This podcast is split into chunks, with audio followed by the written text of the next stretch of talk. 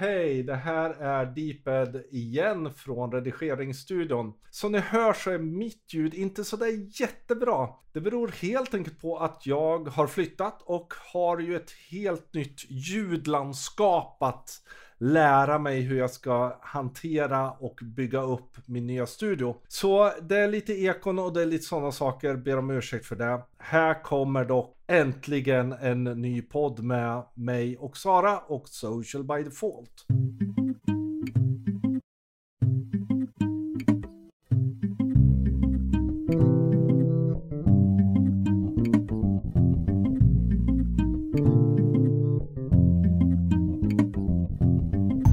Hej, det här är podcasten Social by Default och precis som alltid är det jag, Sara Larsson Bernhardt, som tillsammans med Deeped Niklas Strand driver den här podcasten. Vill ni kommentera avsnittet eller ha idéer för framtida avsnitt, twittra till oss med hashtaggen Social by Default eller prata med oss på vår Facebook-sida alternativt vårt Instagramkonto.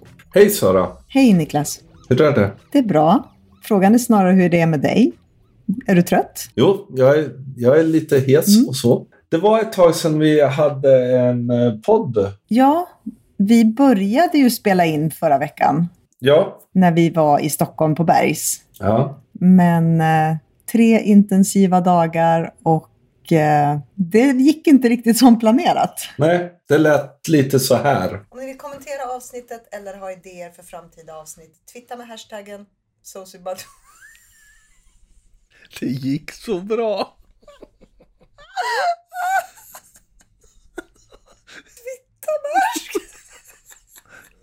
Snacka om magplask. Twittra med hashtaggen socialbydefault eller prata med oss på vår Facebook-sida. Hej Sara. Hej Niklas. Mm. Nej, det, det, det här kommer inte gå. Men eh, det är så det kan gå. Mm. Men vi hade en väldigt trevlig vecka på Berg. Som vanligt fantastiska elever. Som vanligt massa sådana saker som en själv lär sig av eleverna. Det, var, det är alltid oerhört givande att ha den här kursen, mm. även för oss. En styrka tycker jag med kursen är att vi har ju oftast väldigt, väldigt skilda branscher och varumärken och även kunskapsnivåer. Så vi får ju aldrig samma typ av frågor, utan det är Nej. alltid olika perspektiv som man nästan ändå behöver tänka till ett par gånger innan man kan stödja eller rådge eller bara diskutera saker. Ja, sen så åkte vi hem. Jag åkte hem och packade om. Och ja, sen drog, för... drog jag till Almedalen. Precis, och du har precis kommit hem. Och jag har precis kommit hem, vilket hörs på min röst. Det handlar inte om att jag har festat helnätterna, för i år hade en mer så här, vuxen Almedalen. Mm. Ja, du har mognat sedan förra året. Ja, precis. Eller hade andra uppdrag. Men däremot så har det ju varit lite halvrisigt väder. under, under, ja, under Almedalen. Häromdagen hade ni ju något ösregn. Det var så kul att titta på bilderna, för jag följer ju Almedalen som vanligt då via Instagram. Jag har gjort mm. via Twitter innan, det är inte fullt lika mycket bilder där. Söndag när det började var det ju fint väder, måndag mm. var ju mm. fantastiskt väder. Och sen var det väl på tisdagen när det fullkomligt himlen öppnade sig. För vanligtvis det Almedalen man ser på Instagram är ju ett folkmyller. Mm. Och nu var det sådär tomma gator. Det var ganska grått. Det fanns liksom, det var ungefär som lugnet efter stormen. Sen där du kom in på det, att det var väldigt få, beror ju också mm. på att det var faktiskt det, det var markant mindre Almedalen. Men det var ju, förra året var det ju valår. Så det var ju inte så konstigt att det var mycket folk. Mm. Ja, känns som att vi har gått in i en sån här supervalårstid. För det känns som att det har varit väldigt mycket politik och val de senaste åren faktiskt. Ja. Och jag tror att folk kan vara lite trötta med tanke på att hela valet blev så utdraget i år. Så känns det också som att folk kan vara lite trötta för att min upplevelse som då stämmer överens med det att du säger att det var lite lugnare är också att i sociala medier har det varit lite lugnare. Vi har aldrig varit så långt ifrån ett val som vi är nu och då gäller det både timing, för mm. det, är, det, är, fyra år till nästa val, och, det, och även mentalt tror jag, som du är inne mm. på. Det var ett långt val. Det, var, ja. det, det förändrade väldigt, alltså valet förändrade också den politiska scenen väldigt mycket och fortsätter göra det. Så det som var, mar var markant var att det var färre personer där. Det vi har sett också att det var färre evenemang. eh, upp till 20 procent färre än förra året, vilket är ganska mycket. Och framförallt så var partierna inte där på alls samma sätt. De hade sina dagar, de gjorde sina tal, de gjorde lite grejer på sin dag, men det var inte så att liksom, det var massor med partipolitik i programmet. Och och mediebevakningen har varit lägre. Därför det har inte funnits så mycket Nej. att bevaka. Det som har varit lite kul att se, vad fyllde då det här hålet? Ja, men det blev lite mer organisationer och företag som kunde komma med idéer och någonstans jag gick igenom hela programmet när jag satt och väntade på båtbussen. Det var markant hur mycket mer sakfrågor det diskuterades, hur mycket mer samtidigt också visioner och problematisering av sakfrågor och inte partipolitik eller politiskt spel eller sådana saker. Och det var ganska fräscht och kul. Och jag pratade med många om det och alla hade den känslan. Det var ett lite annorlunda Almedalen på så sätt.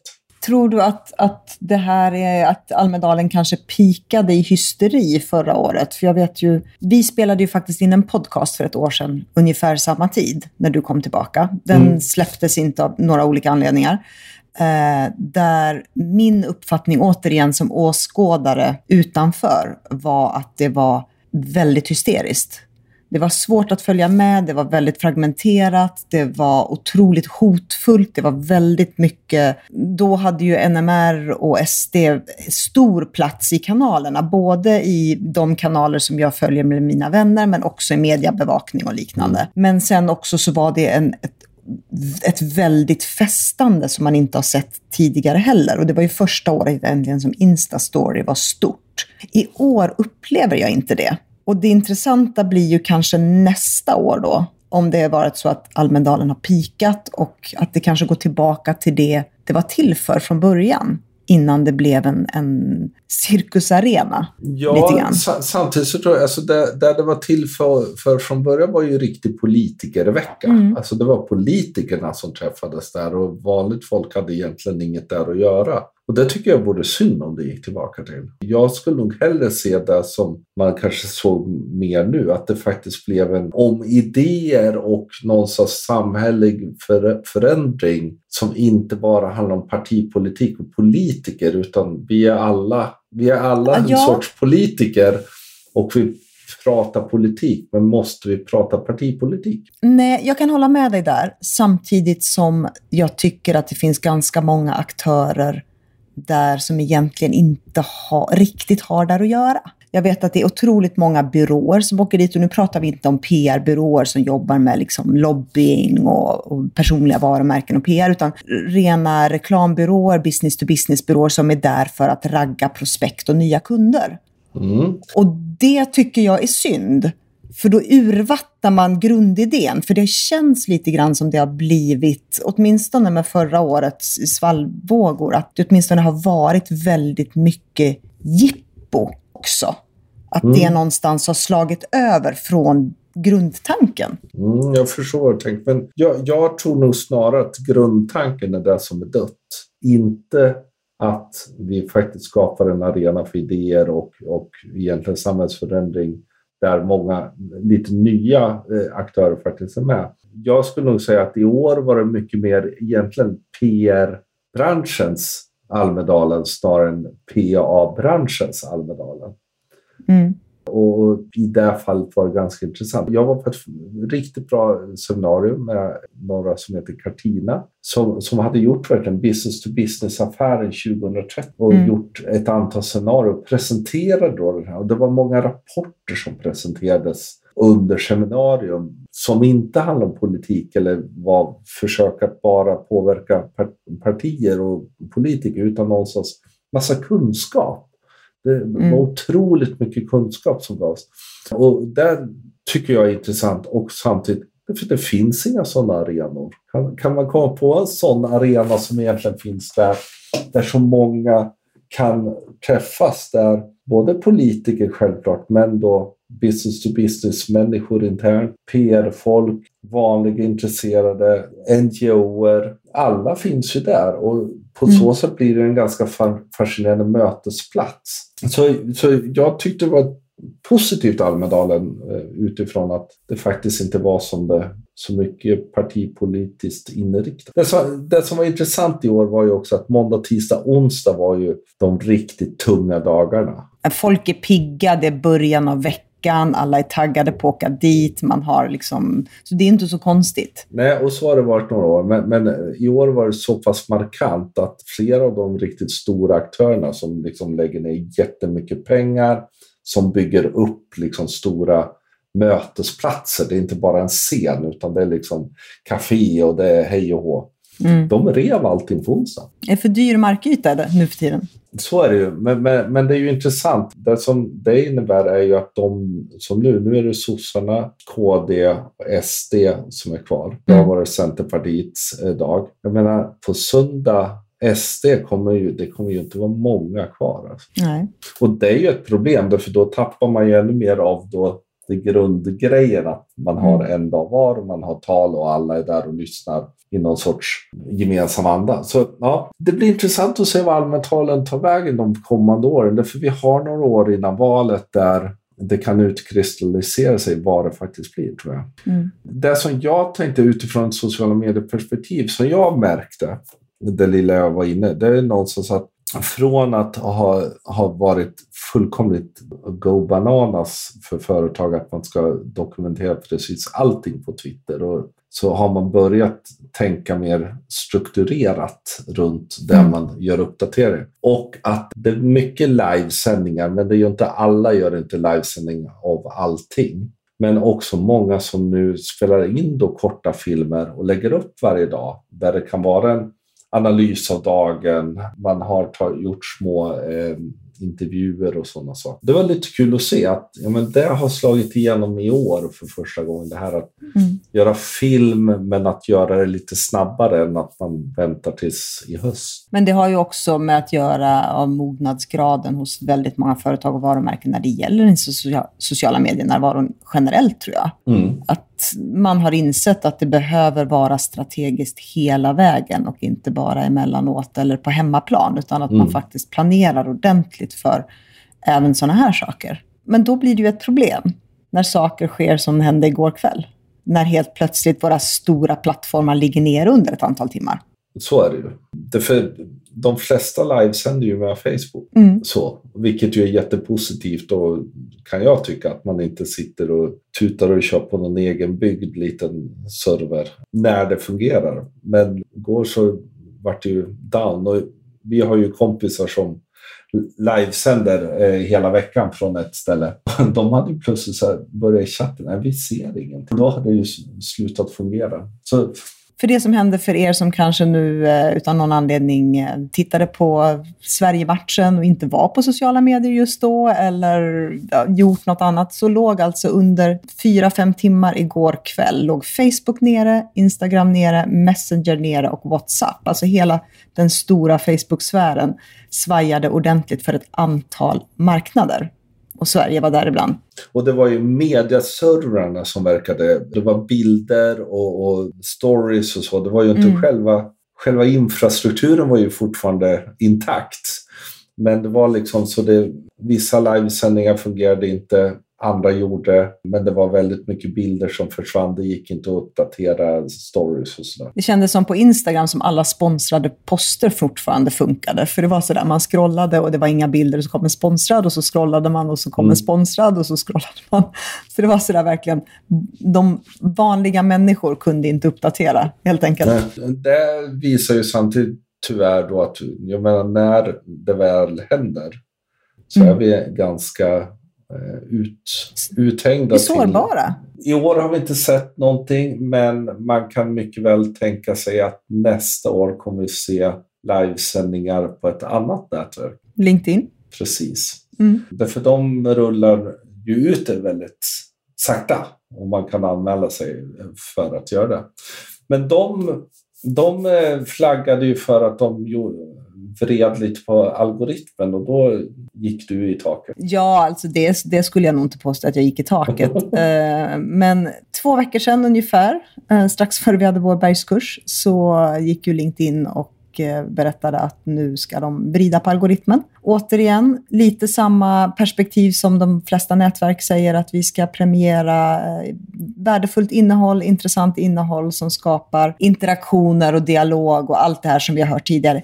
Det, det, det stora det handlar om är ju att innehåll som användare, följare, kluster kommer interagera med kommer ju då lyftas. Men även innehåll som inte har fått så mycket viralitet som det bör ha få utifrån de parametrar som algoritmen kan identifiera. Branschrelevant, nischat, komplext, man innehåller samma kluster. Och det kommer också lyftas och den är ju lite lustig. Eller jag kan förstå den, men den, den, eh, det ska bli intressant att se hur den funkar. Jag, jag tycker den är lite spännande men samtidigt också väldigt, väldigt märklig. Du och jag diskuterade ju det ganska mycket. Vad kan det här egentligen innebära? Och gissningsvis, och det här finns det egentligen inga belägg för, så pratade vi om att om en typ av innehåll som en sida producerar, publicerar, alternativt en person publicerar, som vanligtvis får bra innehåll. Om den av någon anledning konkurreras ut av annat innehåll under samma tid, så får den liksom en andra chans mm. att lyftas i folks flöden för att se, okej, okay, ni såg det inte den här gången, men ni kanske vill interagera med den nu. Ja, men vad är växelkursen för, för att då komma in i det här? Har man gjort bra saker förut? Eller alltså, relevans och branschspecifikt och sånt. Ja visst. Men om, om folk inte såg den så berodde det antagligen på att den inte var bättre än de andra. Och, och, det blir lite sådär, vad är det som ändå då ska ge den där andra chansen till då, som jag upplever, upplever några få som då får den här och inte då att det plötsligt ska liksom bli så otroligt mycket nytt hela tiden. Några som faktiskt gör det här redan nu är ju ändå Instagram till viss del. Mm. Om du har gjort bilder i en karusell och du har scrollat förbi karusellen och inte interagerat med den uppdateringen så får du ju faktiskt en andra chans med bild nummer två i karusellen. Mm. Och det är ju lite samma tanke och frågan är vad det då är som avgör. Alltså, det borde ju vara någon form av relation mellan dig och personen som postar eller dig och sidan som postar. Mm. Och där tror jag Instagram de facto räknar karusellbilderna som egna postningar och därmed, just som du säger, har man scrollat igenom, man brukar kanske interagera, då kommer man se bild nummer två, för då känns det ju ny. Mm. Där tror jag det är viktigt att se att karusell kan man inte bara säga vi kör en snygg bild och så kör vi två fula bilder. Utan det är snarare man får tänka att den story rakt igenom även karusellen. Mm. Varför tror du man gör det här? Om, om, du tittar utifrån ert innehållsperspektiv, varför gör man det här? Ja, men en sak handlar det ju om, som jag upplever, och vi, ser det också i statistiken, att det är fler och fler företag som gör bättre och bättre saker. Det är fler och fler personer som är, som är intresserade av att bygga sina egna varumärken. Alltså helt, vi har hamnat i ett läge där Facebook var för ett antal år sedan, när inventoriet börjar bli fullt. Då behöver ju algoritmen prioritera igen. Och istället för att visa mycket för många så tror jag att de kommer gå in då och visa nischat för de som är intresserade av det nischade. Mm. Och, och det här, återigen, för att vi ska stanna och känna att det är ett värdefullt, en värdefull plattform att, att vara på. Och här utifrån då ett företagsperspektiv så måste man ju vara otroligt noga med att fundera på okay, hur ska vi hur ska vi targeta, hur ska vi skriva, hur ska vi ändå hålla ihop för att kunna aktivera den gruppen som vi vanligtvis aktiverar. Men det är ju en utmaning. Generellt så tycker jag kan ha med att du mer eller mindre lever på LinkedIn genom ditt jobb. Mm.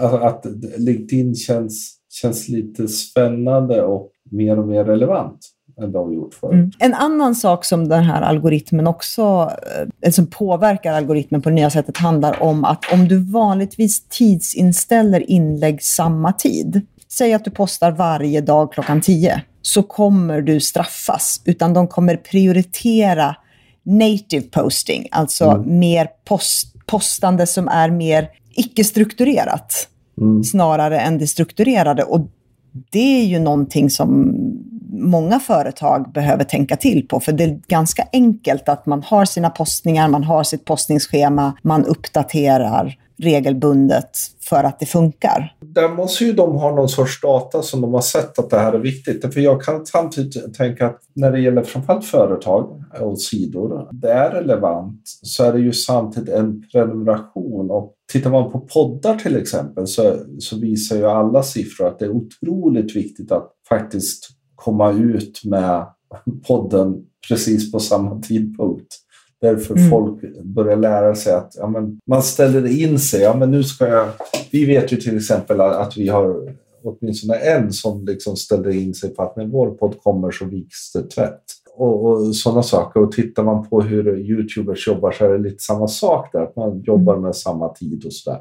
Därför man förväntar sig det. Men LinkedIn måste ha någon sorts data där man säger att det här skapar bättre viralitet, engagemang. Ja, sen finns det en, en, en liten skillnad där. LinkedIn har en algoritm som hela tiden styr egentligen. Mm. En podd kommer ut en viss tidpunkt, då kan jag gå in och prenumerera på den. Men jag kan ju aldrig, om jag inte går in på en sida för att veta att den här sidan brukar posta intressanta saker tisdagar, onsdagar och torsdagar klockan 10, så beror ju det helt egentligen på mitt eget flöde. Hur mycket annat det är som konkurrerar ut då. Så är det ju, men, men de hade egentligen kunnat gått den andra vägen och valt ja. att om man ofta engagerar, ja men till exempel för er, om jag ofta engagerar mig med era postningar som kommer klockan 10 på måndagar, då ska ni finnas där klockan 10 klockan på måndagar. På måndagar. då är det oftast uppenbarligen så att jag har min lilla mm. LinkedIn session klockan 10 på måndagar. Men de har valt att göra någonting helt annat. Så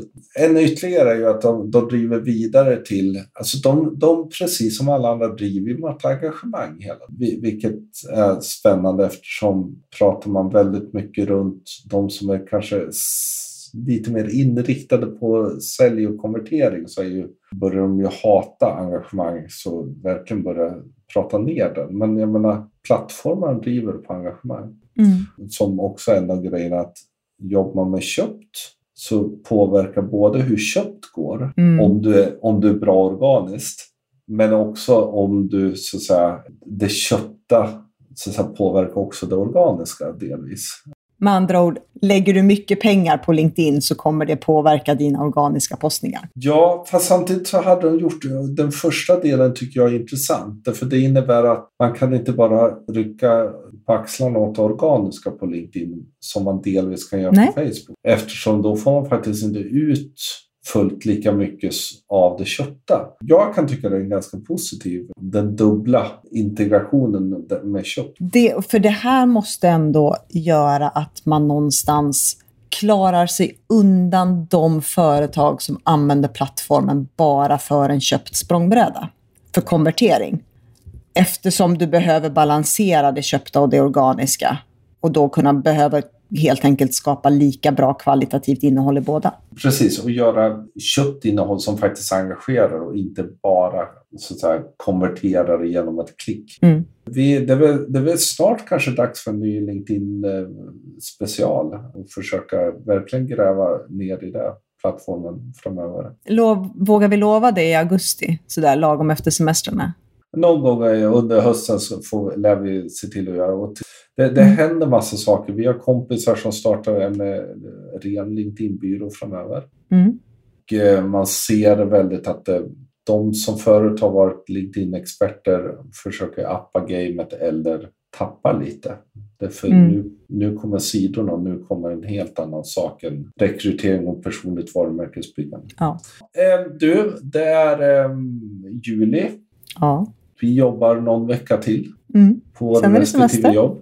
Sen så är det semester. Vi gör väl som vi brukar och säger vi får väl se om vi dyker upp under sommaren med podden. Ja, det är inte helt omöjligt. Förra året släppte vi någon sån där mitt i sommaren-podd. Mm. Eh, planen är väl att släppa en, en liknande mitt i sommaren-podd också. Ja. Så att, som vanligt så handlar det helt enkelt om att prenumerera på oss för att eh, då dyker vi upp i flödet kanske inte exakt söndagkvällar regelbundet, men eh, då ser ni oss åtminstone. Händer någonting självklart, något stort under sommaren, Mark Zuckerberg avgår, Twitter köps upp, så kommer ju, lär vi ju prata om det. För det så är, är det. Så spännande. Men eh, annars så kommer kanske någon podd, annars så kommer vi tillbaka i augusti. Det beror på mm. väder och vind och ork.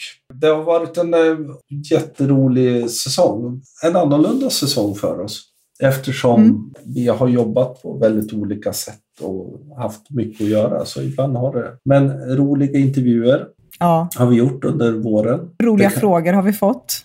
Eh, och det kan man fortsätta med. Och vi har väl idéer runt eh, nya intervjuer framöver. Mm.